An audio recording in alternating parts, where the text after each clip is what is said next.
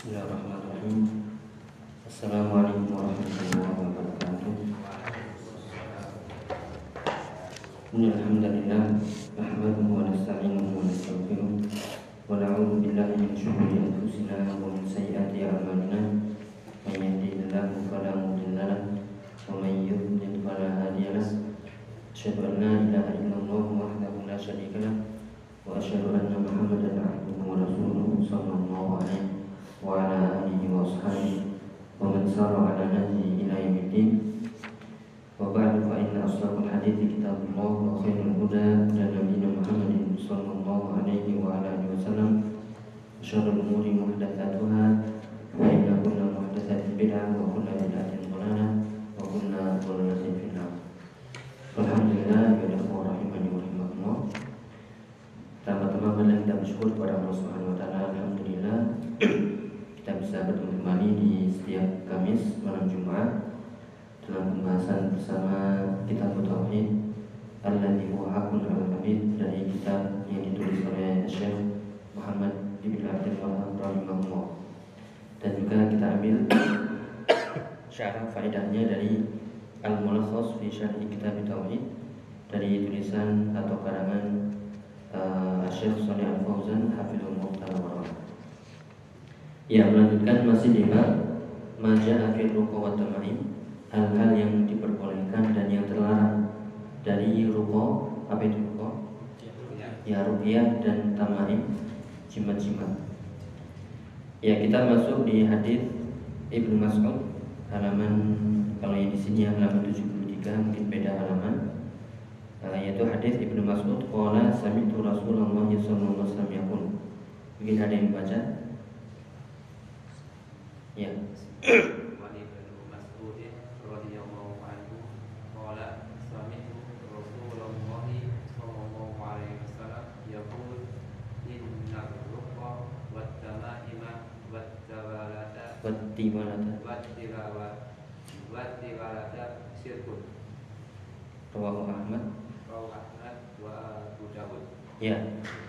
Ini juga selain kita mengambil faedah tauhid ya Dan juga mengambil faedah praktek baca kita Ya dari Wa'an bin Mas'udin radhiyallahu anhu Qala Sami'tu Rasulullah sallallahu alaihi wasallam yaqul Inna ruqa wa tamaima wa tiwalata syirkun Ya di hadis Nabi sallallahu alaihi wasallam Inna ruqa itu susunan apa?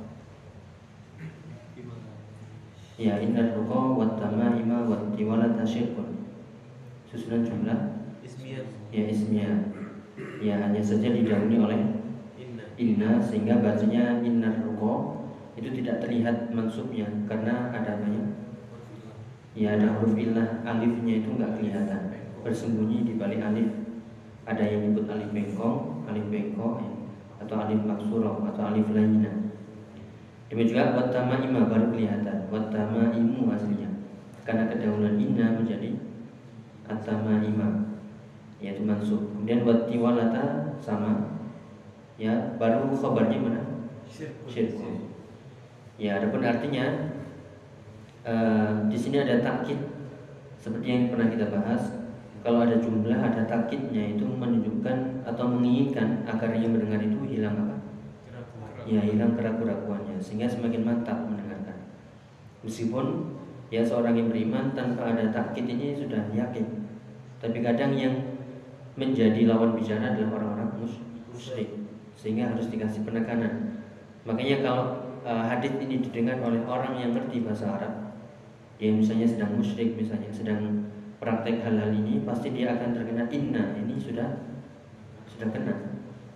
Kalau kita kan nggak ada ya. Biasa aja inna ruqa wa tamaim wa tiwala. Apa? Datar-datar aja. Ya, ini yang harus ditanamkan yaitu namanya dzauq. Yaitu perasaan bahasa ya dzauq naluri bahasa yang harus kita temukan ya sesungguhnya ruko yaitu rukyah rukyah wa tamaim jimat-jimat tambah satu lagi wa tiwala ya raja-raja atau uh, pelet-pelet ya atau ya untuk membuat orang suka atau membuat orang benci itu adalah bagian dari syirik. Ya, nanti akan dijelaskan. Sayati syarhu mufradatil hadithi fi kalamin musannif rahimahullah. Ya sayati syarhu mufradatil hadith. Akan datang penjelasan dari kosakata hadith mulai dari ruko itu apa tamaim itu apa tiwalah itu apa di perkataan musannif penulis setelah ini insyaallah. Ya, adapun alman al-ijmali lil hadis silakan dibaca. Anna Rasulullah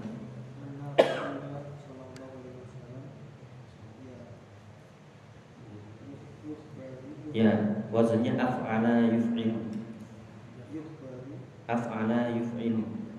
Yukhbiru. Ya, yukhbiru. Yukhbiru an-nas Ya, ini dari wazan istamala yastamilu istimalan masdarnya. Memang itu kita belum belajar ya. Istimal bacanya. Anna istimala istimala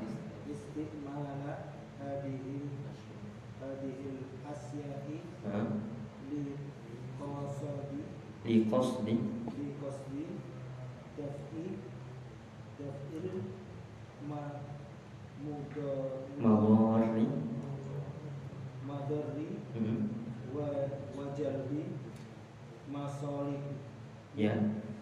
Indi ghairillahi sirku Syirkun. sirkun billahi ya cukup. Anna Rasulullah Sallallahu Alaihi Wasallam sama nih ya susunan jumlah ismiyah ketambahan anna teman-temannya inna. Makanya bacanya anna Rasulullah kemudian khobarnya pakai jumlah fi'liyah yaitu anna Rasulullah sallallahu alaihi wasallam yukhbiru itu khabarnya pakai fi'il. Ya Rasulullah mengabarkan anna isti'mala hadhil asya bahwasanya isti'mal artinya ya penggunaan penggunaan hal-hal ini ya eh, macam-macam ini mulai dari ruko, tamaim, tiwala dan yang semisalnya dengan tujuan liqasdi daf'il madar dengan tujuan qasdi qasdi itu tujuan daf'i menolak madar mudarat au jalbi au wajalbil masalihi. Dan mendatangkan jalbi itu mendatangkan atau menarik al masalih maslahat atau man, manfaat min indi ghairillah dari sisi selain Allah maka termasuk syirkun billah. Ya jadi menggunakan benda-benda tadi yang sebenarnya bukan wasilah malah dijadikan wasilah ya maka inilah yang dinamakan syirk syirkun yang sering kita ulang-ulang. Ya sedikit uh, sisi bahasa ya. Di situ ada likos daf'il madori madori itu susunan apa ya idhofa qasdi mudhaf daf'i mudhaf dan mudhaf ilaih. Al madori mudhaf ilaih. Jadi ada tiga di situ. Qasdi daf'il mudhari. Mau lebih banyak lagi? Bisa. Tergantung. Ya tergantung yang berbicara. Ya misalnya uridu rajula fadili ilmil fikhi misalnya. Saya menginginkan seseorang yang uh, mulia dari sisi ilmu fikih. Atau uridu rajula fadili ilmi ilmi fikhi syafi'i. Ya tergantung sampai panjang pun bisa. Ya jadi itu penjelasannya. Sebabnya apa? Di silakan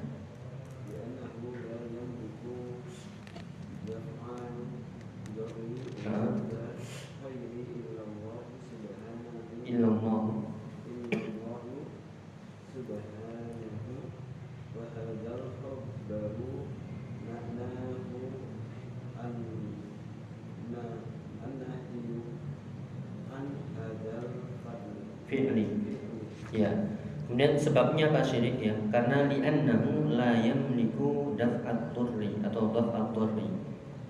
Ya di sini dicetak yaitu daf'at turri dur yaitu dengan dhamma li'annahu la yamliku inilah apa? La nafiyah ya yang enggak membuat fi'il mudhari yang menjadi jazm jadi biasa. La yamliku mana maf'ulun bihi ya daf'at turri maf'ulun bihi tersusun dari susunan idhofah daf'a yaitu mudhofnya turri harus kasroh mudhof ilaih digabung jadi satu itu semuanya bihi Ya, karena benda-benda tadi itu layam likudaf akturin tidak memiliki ya uh, hal yang bisa menolak keburukan atau tidak bisa mendatangkan kebaikan. Illallah subhanahu wa ta'ala kan kecuali Allah subhanahu wa ta'ala. Kemudian kita lihat ya uh, dari hadis ini kan seolah-olah hanya mengkabarkan. Tapi apakah hanya kabar saja? Iya, ini kan kabar. Misalnya ya saya bilang sesungguhnya hari ini akan turun hujan. Apakah di situ ada perintah dan larangan? Gak ada, hanya kabar saja. Besok akan turun hujan. Ya, tapi dalam hadis ataupun ayat, meskipun itu murni khobar, tapi di situ kadang muncul perintah dan larangan. Kalau di sini kira-kira muncul apa? Ya, muncul larangan karena khobarnya adalah rupa, tamaim, tiwalah itu syirik. Berarti perintah atau larangannya yaitu adalah perintahnya adalah mentauhidkan Allah dengan uh, sesempurna mungkin. Larangannya adalah meninggalkan hal-hal yang berbau syirik seperti ya jimat-jimat, pelet-pelet, raja dan rupiah-rupiah yang tidak syar'i karena itu bagian dari syirik. Dan ini penting ya ketika kita mendapati ayat Ya karena ayat itu kadang hanya sedekah khobar Tapi kita sebagai tulabul ilmi Yang mengerti tentunya yang bahasa Arab Dan juga mengerti ilmu usul ya Maka di situ bisa mengambil faedah Oh ya ini ada Ya kabarnya selain kabar juga ada perintah dan larangan Ini banyak di ayat atau di hadis Ya makanya di situ disebutkan Wahadal khabar maknahu dan khabar ini maknanya adalah an-nahyu an hadzal fi'li. Larangan ya dari melakukan perbuatan ini. Ya, semoga bisa dipahami. Uh, tidak semua khabar itu hanya sekedar khabar. Kalau hanya sekedar khabar akan bermanfaat. Ya, makanya harus ada ya larangan dan perintah. Misalnya yang kita dapati di ayat kabar-kabar tentang atau cerita-cerita tentang ahli nar Apakah murni cerita? Ya, apa larangannya? Ya, jangan melakukan perbuatan-perbuatan orang-orang ya ahli nar. Ya, kemudian juga ada kabar-kabar cerita tentang kaum-kaum terdahulu yang dibinasakan sampai punah bahkan. Kaum Ad, Samud nggak ada lagi, punah sudah. Padahal mereka adalah kaum yang uh, bisa membuat rumah-rumah dari ya dari gunung-gunung. Buat rumah ya. Entah pakai alat apa apa ya saat ini mungkin teknologi. Ya punya teknologi mereka tapi mereka punah. Kadang-kadang menentang rasulnya. Berarti sikap kita adalah ya larangannya adalah jangan sampai menentang rasul karena akan punah seperti mereka. Dan juga kabar-kabar tentang ahli surga tentang neraka. Yang akhir itu tujuannya ada perintah dan larangan yang harus kita ambil. ya berikutnya munasabatul hadis lil bab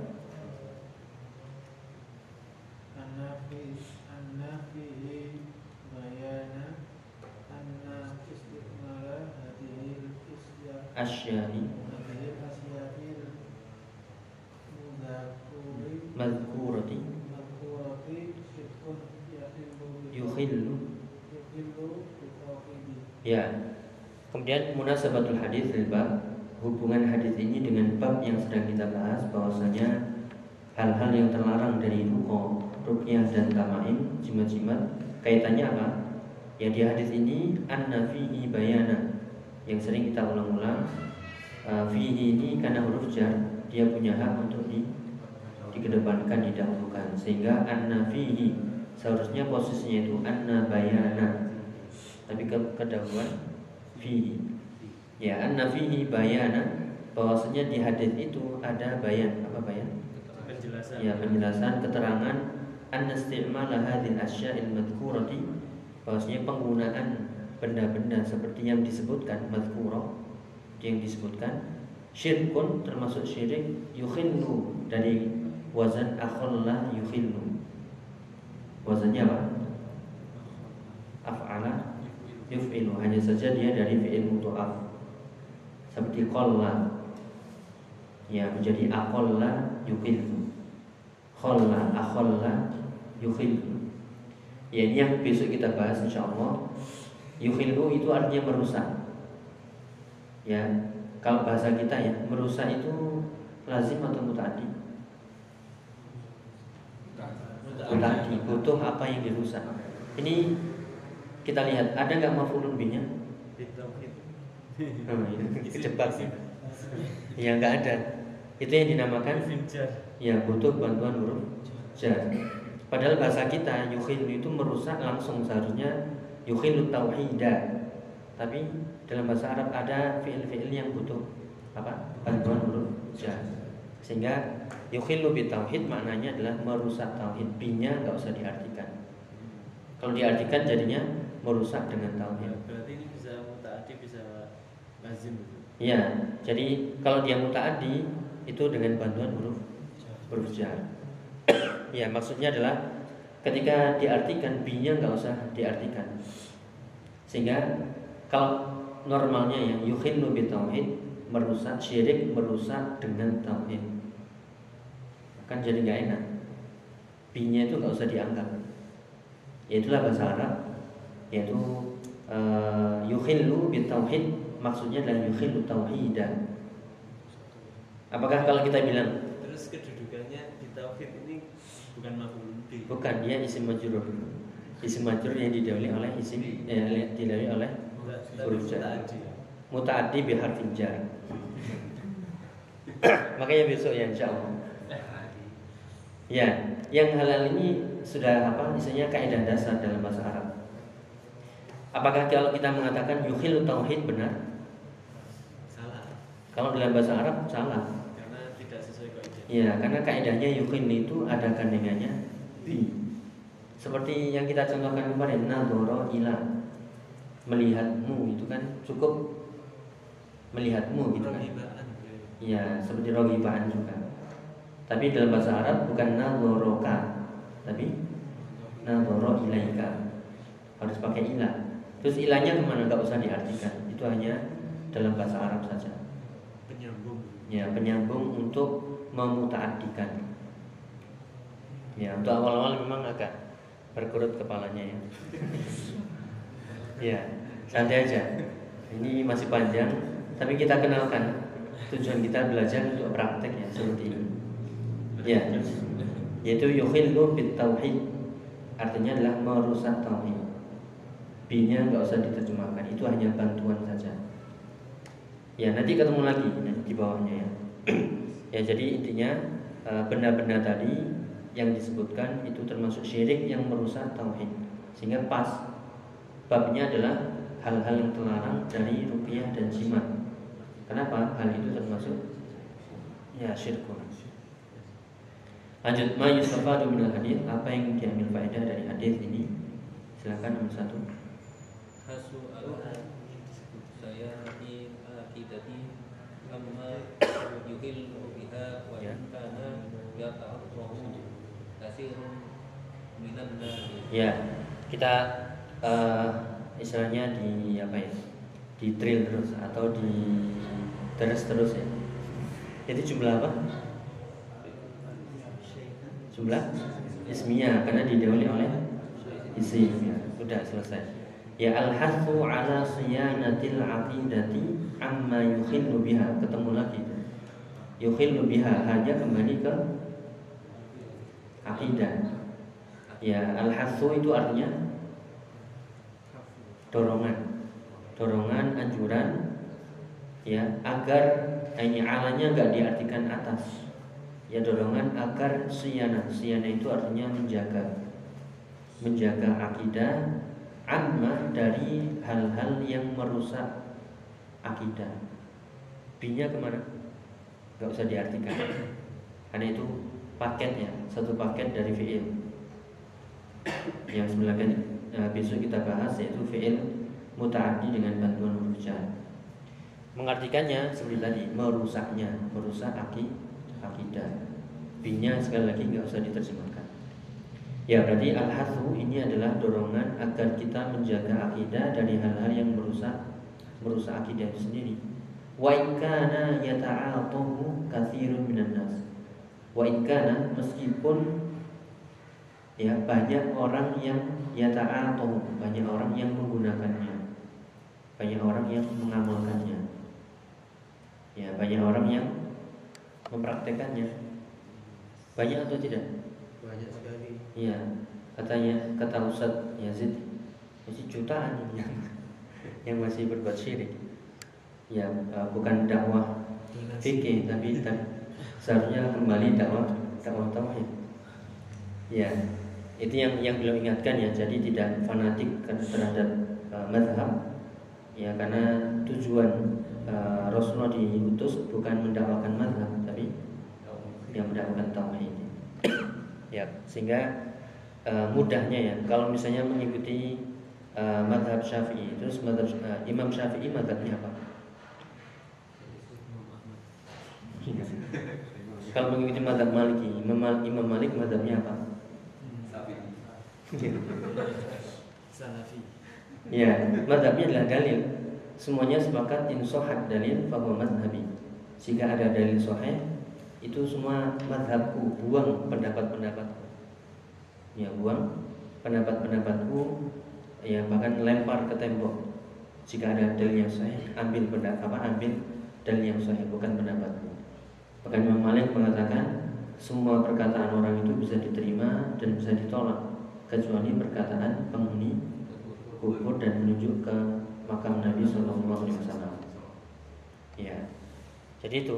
Jadi eh, fikih ini bahasanya untuk para ulama istihad ya, para ulama yang memang bergelut di sana. Untuk orang-orang awam, ya itu belum waktunya. Atau sebagainya ada dalil kerjakan. Mazhab apa pun, ya kita bukan atau tidak ditanya bermazhab apa, dalilnya apa dalilnya. Ya, wallahu a'lam. Ya lanjut tahrim isti'mali hadhihi asya. Tahrim istimali hadhihi al-asya' al-madhkurati fihi. Ya, ini susunan apa ini? Ya, lihat ya susunan jumlah apa? fi'liyah Fi'liyah. Tahrim itu fi'il. isim Fi'il itu isim isim ya itu isim ya. tadi susunan idhafah Ya, itu susunan idhofah sampai akhir itu. Tahrimu isti'mali hadhihi al-asya'i baru al-madhkurati sifat. Ya, sifat. Kenapa? Alif lam ketemu? Alif lam. Kenapa kok al-madhkurati harakatnya kasroh? Mengikuti al Karena mengikuti al-asya fihi. Ya, tahrim itu asalnya tahrimun. Kalau itu bilang fi'il, wazannya apa? Gak ada wazan taf'il. Adanya cuma fa'ala yufa'il, tafa'ala yatafa'al, af'ala yuf'il. Ada? Ya enggak ada. Oh berarti menemukan. Profesor doktor jadi. Bukan itu isim ya, itu masdar dari fa'ala yufa'ilu dari kata harrama yuharrimu tahriman. Seperti pengharaman ya, seperti halala yuhallilu tahlilan. Halala yuhallilu tahlilan. Kalau itu halala. Atau sabbaha yusabbihu tasbihan. Ya wahada yuwahidu tauhidan itu masdarnya.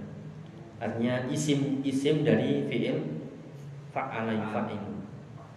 Ya, berarti tahrim artinya eh, pengharaman penggunaan benda-benda yang disebutkan ya yang dalam hadis tersebut.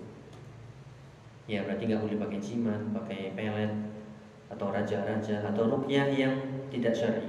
Kemarin sudah kita sebutkan rukyah yang tidak syar'i tidak memakai bahasa Arab ataupun kalau bahasa Arab tapi bahasa Arab yang tidak bisa dipahami ya beda dengan doa ya yang kemarin ditanyakan. Ini rukyah benar-benar.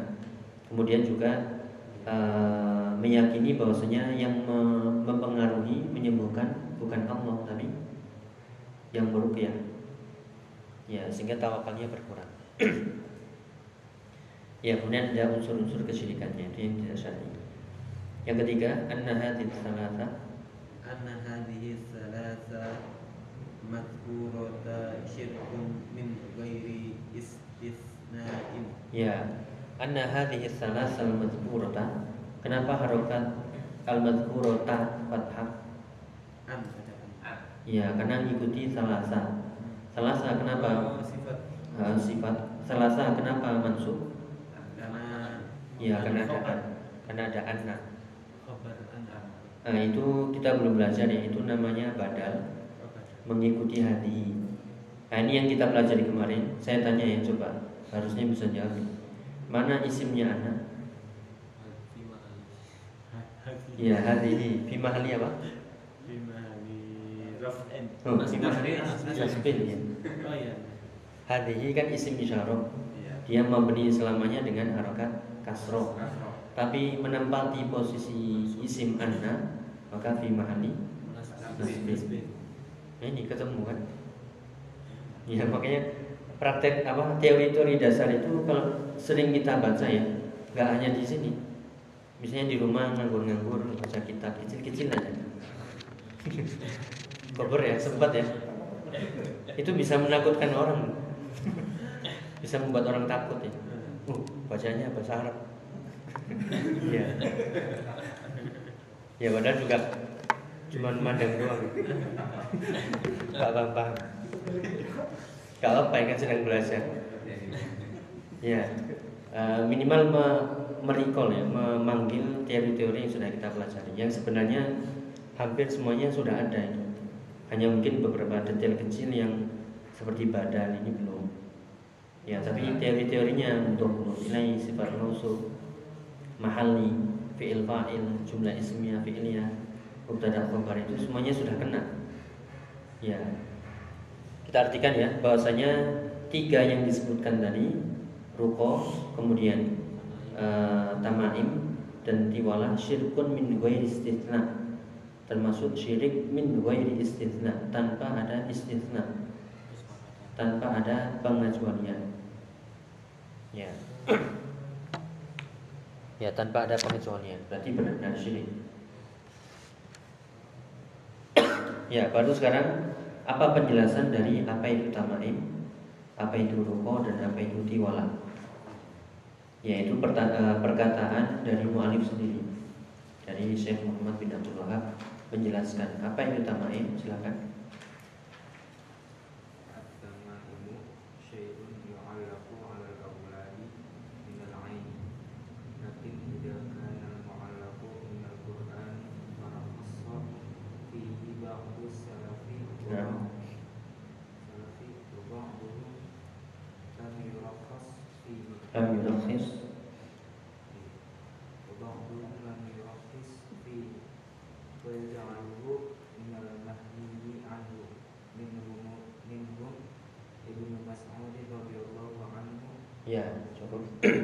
Apa itu tamaim? Jamak dari tamimah yang sudah kita bahas. Tamimah itu benda yang digunakan oleh orang Arab untuk tujuan menyempurnakan urusan biar mendatangkan hoki. Biar urusannya lancar sempurna. ya sempurna dari kata tamah pakai ini biar lancar. Ya pakai benda-benda ini biar urusannya ya lancar biar rezekinya lancar biar penglaris dan sebagainya. Ya itu di orang Arab bendanya tertentu. Ya akan tapi maksudnya bukan benda tamimah saja tapi benda yang semasam eh, semisal dengan tamimah apa itu ya? Semua benda? Kalung-kalung. Ya kalung ya batu ya air ya baju. Saya kalau nggak pakai baju ini kurang muncul auranya. Jadi jimat? Bisa jadi. Ya jadi. Ya kalau nggak pakai peci ini kayak gimana gitu. kurang ya ya jadi jadi jimat jadinya. Ya biasa aja ya. Eh, yang penting jangan jadikan hal itu pelancar atau pendatang pendat yang mendatangkan hoki. Ya Adapun pengertiannya di sini syai'un yu'allaqu 'alal auladi minal 'ain. Syai'un sesuatu yang yu'allaq artinya digantung 'alal aulad yaitu digantungkan pada anak-anak kalung ya minal 'ain tujuannya untuk mencegah ain. Biar nggak kena ain maka digantungkan kalung-kalung yang isinya tamimah tadi. Ya entah itu eh, apa? Apa? Ya berambang atau eh, tulang atau apa ya. Pokoknya pakai ini harus nurut. Kailok kan nurut. Ya Lakin idza kana al-mu'allaq min al-Qur'an. Ini pertanyaan dan pembahasan yang sudah kita bahas. Apa? Delimu. Ya. Lakin idza kana al-mu'allaq eh, akan tapi jika yang digantungkan ini dari Quran. Ya, orang tua kita misalnya atau seseorang ya, dia nggak mau pakai jimat-jimat ini. Saya mau pakai Al-Qur'an aja. Tuliskan ayat ya biar ada apa ayat Al-Qur'annya dikira syar'i. Ya misalnya ayat apa? Aku ayat kursi. ya ayat kursi misalnya. Itu punya keutamaan. Ditulis kemudian dilipat-lipat kemudian dijadikan kalung. Ini ada perbedaan pendapat di antara para ulama. Faroh fihi ba'dus salafi. Ya ini roh wazannya apa? Fa'ala yufa'ilu saya tanya ya mana fa'ilnya hati-hati kejebak ya? Ya ba'du ya as-salaf itu apa? Pendahulu. ya ulama dahulu. Ya bukan kelompok ya. Ulama Sebagian- dahulu. Sebagian ulama. ya ulama terdahulu mereka ada yang memperbolehkan.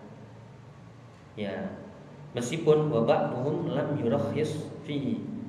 Meskipun sebagian mereka tidak memperbolehkan. Wa yaj'aluhu minal manhi anhu bahkan menjadikan hal itu termasuk manhi anhu. Termasuk hal yang dilarang. Di antara yang melarang ini siapa? Minhum ibnu Mas'ud. Ya di antara yang melarang ini adalah sahabat ibnu Mas'ud. Berarti ini ya tafsiran salaf juga. Karena ibnu Mas'ud bagian dari para sahabat yang lebih mengerti bagaimana apakah itu termasuk boleh atau tidak yaitu menulis Al-Quran dicatat kemudian jadikan kalung ditempel-tempel dengan tujuan untuk mendatangkan ya manfaat atau menolak mudarat. Maka ini juga bagian dari apa? Tamimah. Nah, maka kesimpulannya kalau tamimah ini mau pakai apa pun ya mau pakai benda mau pakai tulang mau pakai ya air mau pakai ayat-ayat Al-Quran kalau tujuannya menolak mudarat dan mendatangkan manfaat maka itu termasuk ya syirik. Maka itu termasuk jimat yang dilarang. Yang sudah pernah kita sebutkan ya. Karena itu menghinakan Al-Quran. Bayangkan Al-Quran ditulis kalau anak-anak mainan di kamar mandi masuk kamar mandi. Kemudian lepas jatuh keinjak-injak ya sudah menghinakan Al-Quran dan menempatkan sesuatu tidak pada tempatnya ya sehingga nanti efeknya yaitu e, membolehkan hal-hal yang lain. Ya maka e, kita mengikuti pendapat Ibnu Mas'ud ya minas salaf yaitu minas sahabat beliau melarangnya meskipun ada yang memperbolehkannya. Nah, tetapi itulah kalau ada dua pendapat mana kita kita ambil yang lebih rojih yang lebih kuat dan sini yang lebih kuat adalah pendapat Ibnu Mas'ud. Ya dengan alasan yang kita sebutkan tadi kemudian ruko apa itu ruko? Rupiah. ya dibaca. Wahyil lati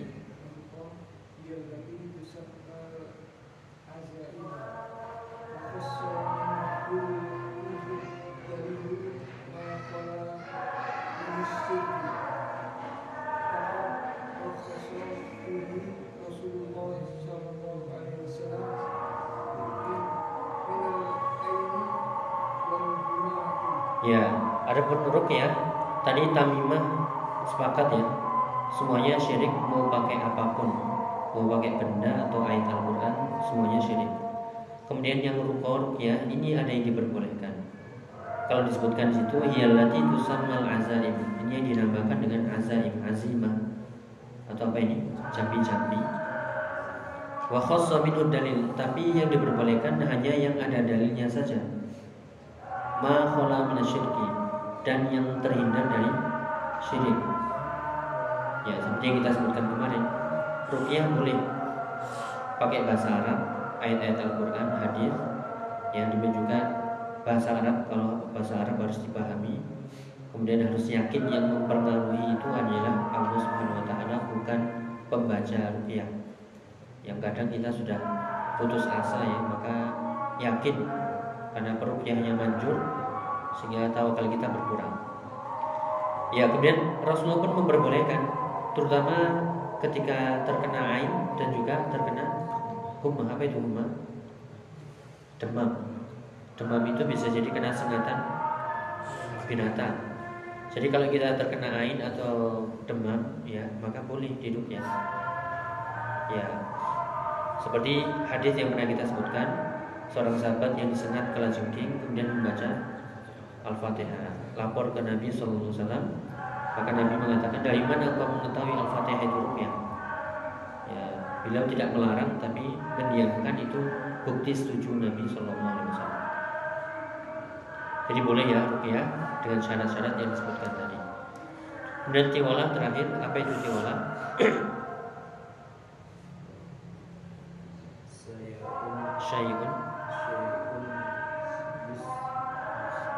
yasna'una.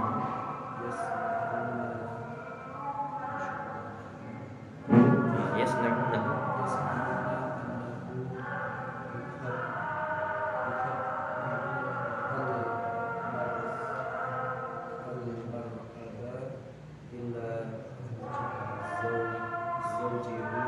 zawjiha.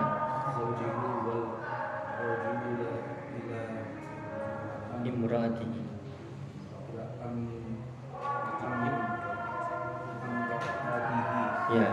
tiwalah ya tiwalah ini syai'un yasna'unahu yaitu sesuatu yang dibuat-buat. Dan mereka menganggap bahwasanya sesuatu ini bisa menjadikan perempuan mencintai ya suaminya atau suami mencintai ya istrinya. Atau sebaliknya seorang laki-laki bisa cinta kepada perempuan atau perempuan bisa cinta kepada laki-laki. Ilmu apa ini? Ya benar ya? Bisa melet ya? Ya ya itu. Nah, ini bagian dari sihir ya. Termasuk syirik juga. Eh, ini juga terlarang dan ini memang ada di zaman Nabi SAW sebagaimana surat Al-Baqarah eh, wa ma yu'allimani min ahadin. Yaitu di tentang Jarud wa Marud. Ya di surat Al-Baqarah. ya Meskipun hal itu semuanya atas izin Allah Subhanahu wa taala. Makanya tidak boleh takut. Semuanya terjadi atas izin Allah. Kita bacakan ya di surat Al-Baqarah ayat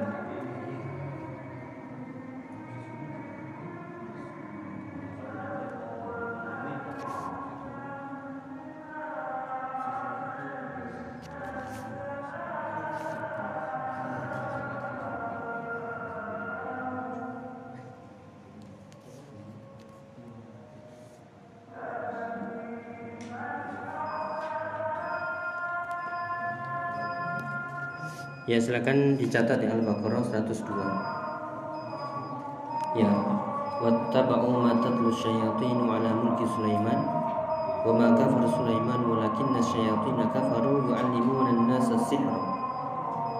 Ya di surat Al-Baqarah ayat 102.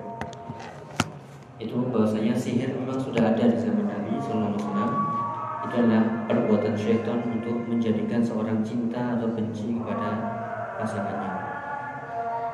Ya, jadi itu semuanya bagian dari syirik ya yang terlarang dan merusak tauhid yang harus kita hindari. Ya Allah a'lam bishawab. Ada bagian lagi, Mas. Ada pertanyaan?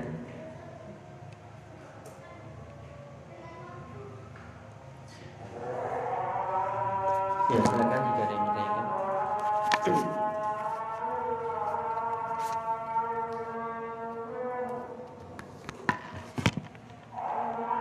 Ya jika cukup ya kita cukupkan Eh, Mungkin bisa minta bantuan sebentar nanti. Tapi agak berat. Mindahkan besi Besi ke bawah Mau dicor. Besi besi. Ya besi. Mas Iya insya Allah. Pelan-pelan aja. Ya pada aja Sebentar. Ke bawah aja enggak sampai ini ya bisa Beginilah ya, jazakumullah khairan. Semoga bermanfaat. Kurang lebih mohon maaf. semoga wa bihamdihi asyhadu